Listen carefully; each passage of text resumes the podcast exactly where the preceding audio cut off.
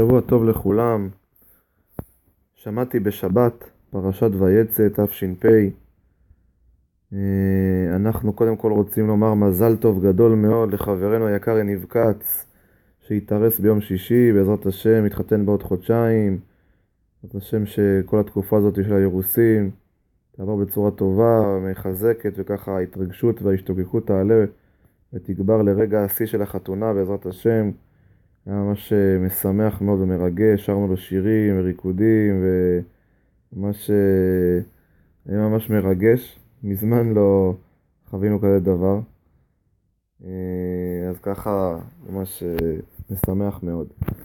רוצים היום לדבר על כמה דברים, כמה עניינים מאוד חשובים, ממש הייתה שבת מדהימה עם הרב, עם החברים, והמון המון תובנות וחידושים, ויש שם ממש המון המון נושאים.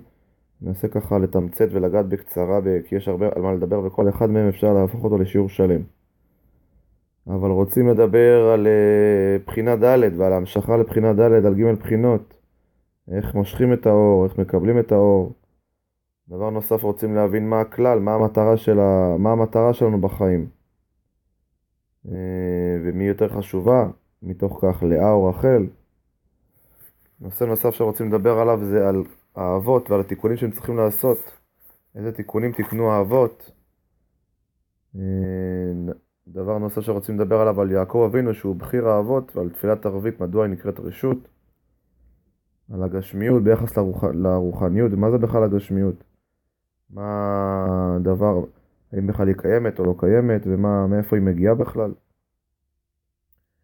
נושא נוסף שרוצ... שאנחנו רוצים לדבר עליו זה על הסולם שמוצב ארצה, הוא סולם יעקב, שראשו מגיע השמיימה, והנה מלאכי אלוקים עולים ויורדים בו. טוב, אז נתחיל מהטיש, שבאמת אחד החברים העלה שאלה, כי כתוב בתעש, חלק א', אם לא טועה חלק או חלק ב', שיש שם שכה על בחינה ד', על המלכות על בחינה ד', אבל היא מקבלת בג' בחינות הראשונות שלה.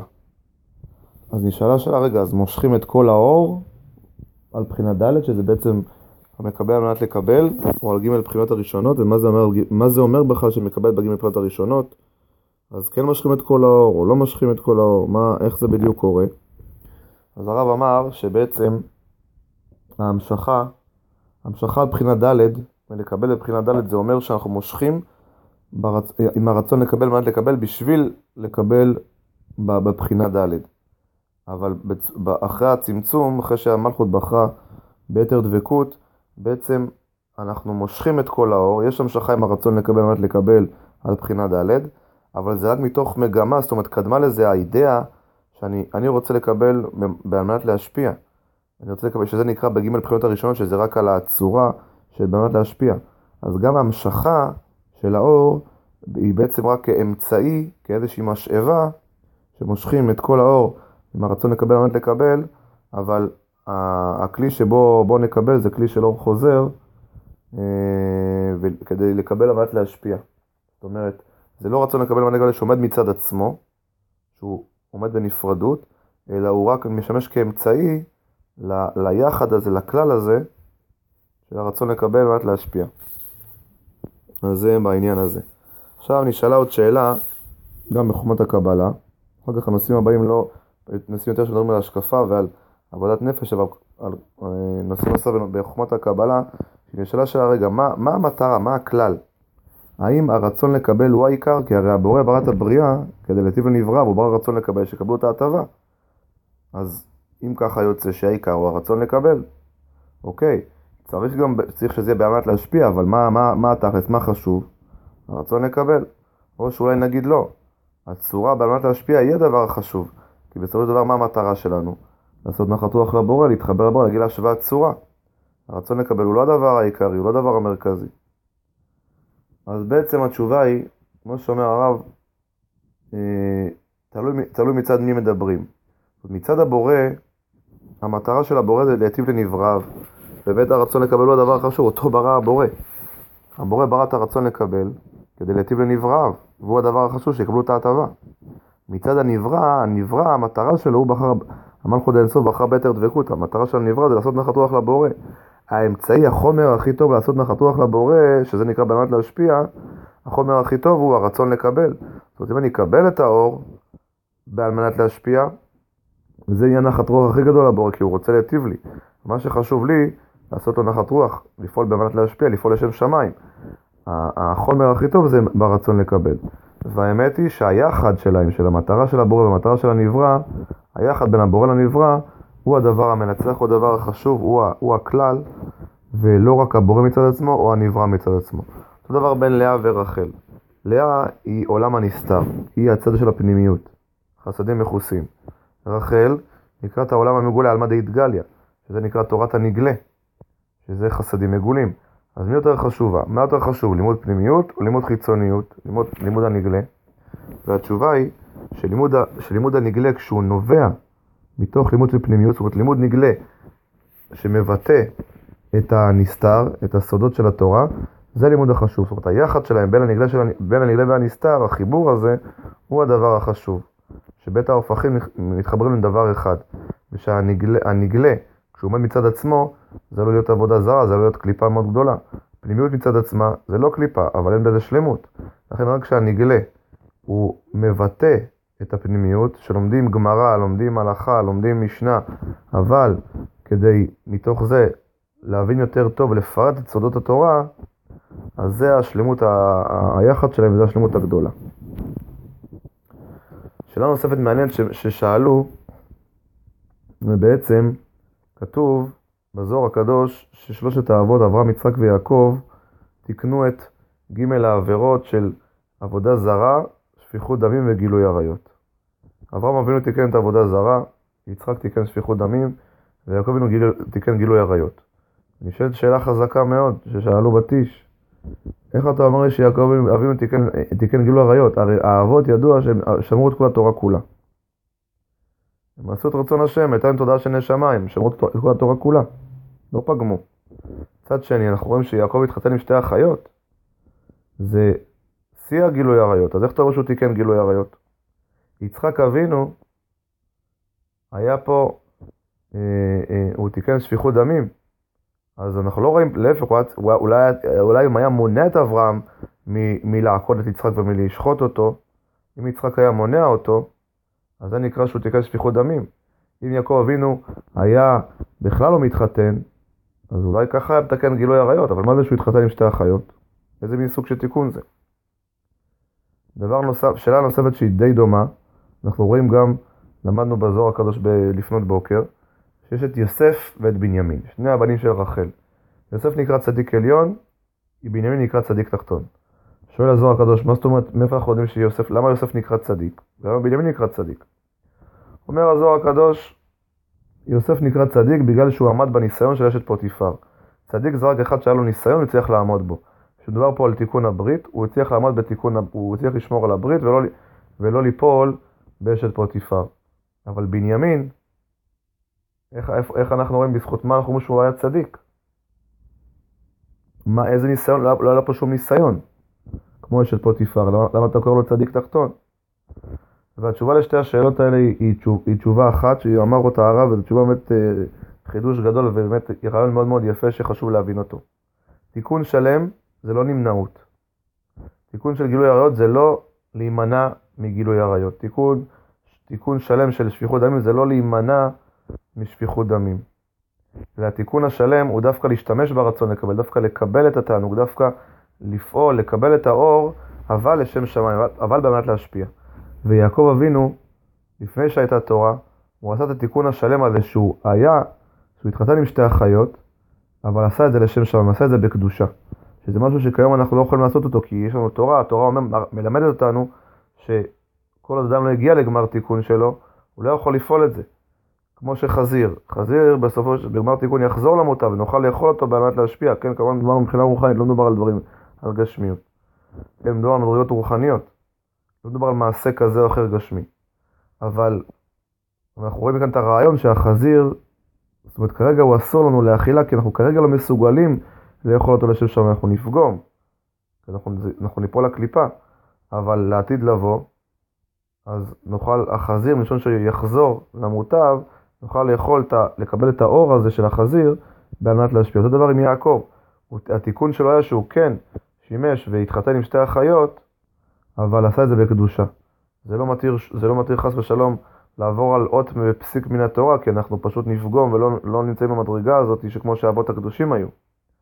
אותו דבר עם יצחק. יצחק פשט את צווארו מאליו ונתן לאברהם אבינו לשחוט אותו, לעקוד אותו. בכך הוא, בדווקא, לא בנמנעות, אלא דווקא זה שהוא פעל את הדבר הזה, אבל לשם שמיים, תיקן, הוא תיקן את שפיכות דמים. אברהם אבינו, הוא תיקן עבודה זרה, ועבודה זרה זה דווקא, אין פה את המקום של, זה כמו חמץ בפסח, שם בא יראה או בא להימצא אפילו כלשהו, ושם דווקא התיקון הוא נמנעות. דבר אצל בנימין הצדיק. בנימין הצדיק, אומר הזוהר הקדוש, בזה שהוא התחתן והוליד עשרה בנים וקרא את שמם על שם יוסף, וכביכול, זאת אומרת, לא כביכול, אלא המשיך ברגע שיעקב, ברגע שיוסף, שהוא צד היסוד, קו אמצעי, מבחינת היסוד, הוא עכשיו לא היה יותר, היה במצרים. בנימין בא והחליף את יוסף ב, ב, זאת אומרת, בתור בן של יעקב, שעכשיו יחליף ויהיה במקום יוסף. והוא כל הזמן היה דבוק ליוסף, קרא, לה, קרא לה, בנימין הוא בחירה של אור חוזר, הוא קרא לבנים שלו אה, אה, על שם יוסף, אז דווקא זה שהוא שימש ו, ו, ופעל את הברית בקדושה והוליד ילדים, אבל עשה את זה בקדושה מתוך חיבור לצדיק, מתוך חיבור לאח שלו יוסף, לצדיק העליון, דווקא זה התיקון הגדול שגרם לו, שאנחנו בגלל זה אנחנו קוראים לבנימין, בנימין הצדיק, שהוא צדיק תחתון. כי דווקא הוא לא נמנע מלא לפעול, מ, מ, הוא לא רק שמר את הברית, הוא, הוא פעל את השמירה הזאת כ, זאת אומרת, כצורה אקטיבית, כזכירה ותיקון, שהוא הוליד ילדים, אבל מתוך קדושה וטהרה ושמירה ודבקות בברית של אה, יוסף הצדיק אחיו. דבר נוסף מעניין מאוד, שלמדנו עם הרב לפני התפילה, שאלה מאוד יפה ומעניינת. אומרים שיעקב, יודעים שיעקב הוא בכיר האבות. תפילת שחרית תיקן אברהם אבינו. תפילת אה, מנחה תיקן יצחק אבינו שיצא לסוח בשדה. יעקב פגע, יפגע במקום האלה שם, אין פגיעה לתפילה, תיקן תפילת ערבית. תפילת שחרית ומנחה הם תפילות חובה. ככה כתוב שזה נקרא תפילות חובה. ותפילת ערבית נקראת תפילת רשות. אז למה דווקא בכיר האבות, יעקב אבינו, אמרו שהוא תיקן תפילת רשות? למה דווקא, לכאורה הוא בכיר האבות, דווקא הוא צריך לתקן תפילה שהיא יותר חובה ויותר חשובה לכאורה. אלא צריך להבין, אומר הרבש, משל למה הדבר דומה? הוא מסביר, אדם שעשו, אם, אם עשו לך טובה, כן, עזרו לך עכשיו אה, לסחוב את ה... לעבור דירה, חבר עזר לך לסחוב, לעבור דירה, וממש עזר והתאמץ, נתן לך מעצמו, אז אתה מרגיש ממש הודיה, ואומר לו תודה רבה, וואי, ממש עזרת לי, וואי, זה ממש, אומר לו תודה מכל הלב. אבל אם, אם חבר אומר לך, תשמע, אני עושה עכשיו קניות, אני, אין לי בעיה שבוע הבא לעזור לך ל, ל, לעשות קניות, אז כל עוד הוא לא עשה את זה, אתה עדיין לא מרגיש מחויב, לא מרגיש את החיוב הזה, להגיד לו תודה. אתה יכול לבחור, יש לך כאילו איזשהו, זאת אומרת, אתה יכול להגיד לו תודה, יכול גם לא. זה לא, זה לא הרגשת חיוב שאני חייב להגיד לו תודה ולהודות לו, כמו שהוא כבר ממש עשה, את עשה לי את המעשה הזה של ההשפעה, נתן לי בפועל. כן, אז יעקב, תפילת ערבית, שזה בזמן של, שזה נקרא תפילה של בזמן הסתרה, אה, אז יש את המקום של, אז יש את העבודה של הבחירה. אז יש את העבודה שאני יכול לבחור, ואני לא מרגיש חיוב, לא מרגיש מוכרח להודות להשם. אני פה יכול לבחור, במקום של הסתרה יש את המקום לבחור ולהודות להשם ולהאמין בהשם. זאת אומרת, אומר הרבש, פה זה התיקון, דווקא בזמן הסתרה, דווקא בזמן של חשכות של לילה, אז האדם נבחן ויש לו את האפשרות לבחור, להתחבר להשם, להתפלל להשם, להודות להשם, ולכן זה תיקון שהוא יותר גדול מאשר שיש כבר גילוי, יש כבר אה, אה הטבה, ואז אני מרגיש איזשהו סוג של מוכרחות, אני די, קצת משוחד אפילו, כי אני לא עושה את זה מתוך בחירה, כי מה, אני לא אגיד תודה? אז זה ככה נקודה מאוד יפה, שדווקא יעקב בחיר האבות, תפילת רשות, לא שרשות להתפלל לתפילת ערבית, אלא רשות הכוונה שיש לי פה את הבחירה בזמן של הסתרה, ללכת באמונה. בשיעור של אחר הצהריים למדנו מכתבי, למדנו עם הרב מכתבי בעל הסולם ממאמרי הסולם על הגשמיות, וממש בקצרה בעל הסולם ממש מפרט שם ונכנס שם לעומק להבין שבעצם את המהות של כל דבר אנחנו לא תופסים, רק את המקרים ואת מה שנובע ממנו. זאת אומרת, למשל מים, מה זה מים? אנחנו רואים מים, יכולים עכשיו לחמם את זה, להפוך להיות עדים שבכלל אנחנו לא רואים אותם. יכולים לקרוא, זה יכול להפוך להיות קרח, אז רגע, קרח זה מים, לא מים, עדים זה מים. מה זה מים? H2O. יכולים, אנחנו יכולים, רואים שככל שאנחנו הולכים ומפרקים את זה, וגם מה שאנחנו תופסים בחושים, יכולים לפרק את זה. אז מה שאנחנו תופסים בחושים זה רק מקרים שנובעים מהמהות, אנחנו אף פעם לא תופסים את המהות עצמה. וככה הסביר את זה גם על זמן ועל מקום, שאם עכשיו יש לנו את המקום, את החלל עצמו נגיד של החדר, ואם עכשיו לא יהיו קירות, ולא יהיה תקרה ולא יהיה רצפה, זה, מה קרה עם החלל הזה? פתאום כביכול, זאת אומרת, כבר, המקום הזה שהגדרנו אותו לפי החלל של החדר, הוא כבר כאילו לא נמצא, אותו דבר בזמן, שזה אה, רצף של פעולות, של עניין של תנועה. בקיצור, הראה שם שכל הגשמיות בעצם היא לא באמת קיימת, ויותר מזה, היא גם השלכה של מידות נפשיות. זאת אומרת, כל, הרב נתן דוגמה, נגיד, נגיד אש, זה השלכה של מידת הגבורה או של כעס, אז רק, האש הגשמית זה רק איזשהו ביטוי, כמו שיש מים, זה איזה שהם מולקולות או, או, או אטומים או משהו, או ככל שאתה חודר יותר לעומק, זה בעצם מגיע, זה מגיע לאיזושהי מידה נפשית של רצון לקבל, שזה בעצם מה שנברא, שיש לזה איזושהי, איזשהו ביטוי, אה, איזה שהם מקרים, לבושים שאותם אנחנו תופסים. ואם אנחנו נפשיט אותם, אז אנחנו נגיע למהות עצמה, בעצם גם הדברים הגשמים שאנחנו רואים הם בעצם השלכה של מידות נפשיות, של, של נפש האדם, ודרך זה אנחנו תופסים, ולכן זה מאוד משמח להבין שבעצם הכל זה רוחניות, שגם הגשמיות היא סוג של תודעה, אה, שצריך עוד לפרט ולהרחיב עליה, אבל היא גם סוג של תודעה, תודעה גשמית, ולא עומדת מצד עצמה. בסעודה שלישית דיברנו על שני עניינים מאוד מאוד חשובים. דבר ראשון, להבין שיעקב אבינו ראה סולם מוצב ארצה וראשו מגיע השמיים. מה זה אומר לנו בעבודת השם? ולמה דווקא סולם, אנחנו רואים שהוא עומד באלכסון. למה הסולם לא עומד ישר? וזאת הדרך הנכונה, להגיע מהארץ לשמיים. אלא באמת כדי לחבר בין הארץ לשמיים, בין הרצון לקבל, בין הגוף לנשמה, בין הבורא לנברא, צריך סולם, ולעלות שלב, שלב, שלב אחרי שלב. מה שיפה בסולם להבין, שהוא כמו האלכסון של האלף, הוא נוטה, הוא עומד נטוי, הוא מחבר בין חסדים לחוכמה, בין רוחב כמו רחב לב, בין, שזה מבחינה של חסדים, של התמדה, של רוחב, של נתינה, של השפעה, של צד הנשמה, לבין הגובה או האורך, שהוא מבטא דווקא צד החוכמה, את צד הרצון לקבל והשילוב שלהם, של חסדים וחוכמה, של עומק והתמדה, דווקא זה, של מצד אחד להעמיק ולחדור לעומק, מצד שני לעשות דברים בהתמדה וברציפות, דווקא זה נותן את האפשרות ללכת, לעלות בסולם מעלה-מעלה, עד לדבקות בהשם ולחבר בין שמיים וארץ. דבר האחרון שדיברנו בסעודה שלישית זה עניין של אסרטיביות, שהתחלנו את העבודה על אסרטיביות, ושאלתי את הרב מה, מה זה בעצם אסרטיביות, איפה רואים את, זה, את השורש הזה בחוכמת הקבלה. אז הרב הסביר שאסרטיביות, השורש הזה זה מסך דאוביות כדי להוציא מהכוח לפועל. מסך דאוביות זה אומר, זה המסך של צד הנקבה, שהוא בעצם מחשבה, על ידי זה מייצרים זיווג דאקה ומחשבה, מחשבה יותר פרקטית, מחשבה יותר רגשית, כדי להוציא מהכוח לפועל, מהמחשבה, כדי להרגיש את הדבר, להשיב אל הלב. וזה גם אחר כך מתבטא גם מבחינה אה, מעשית. אה, מה אנחנו רוצים להוציא מהכוח לפועל? את הפוטנציאל שטמון בנו, את צד הנשמה שלנו, את הערכים האמיתיים, את המחשבות האמיתיות, את הרגשות, הרגשות של, ואת התודעה של צד הנשמה, את הרגשות האמיתיים. ואדם שהוא אסרטיבי זה אדם שיודע להוציא לפועל, לבטא את הערכים שלו האמיתיים, את צד הנשמה שלו, את האני שלו, את מה שהוא מאמין, את האמונות שלו האמיתיות, את המחשבות והרגשות שלו.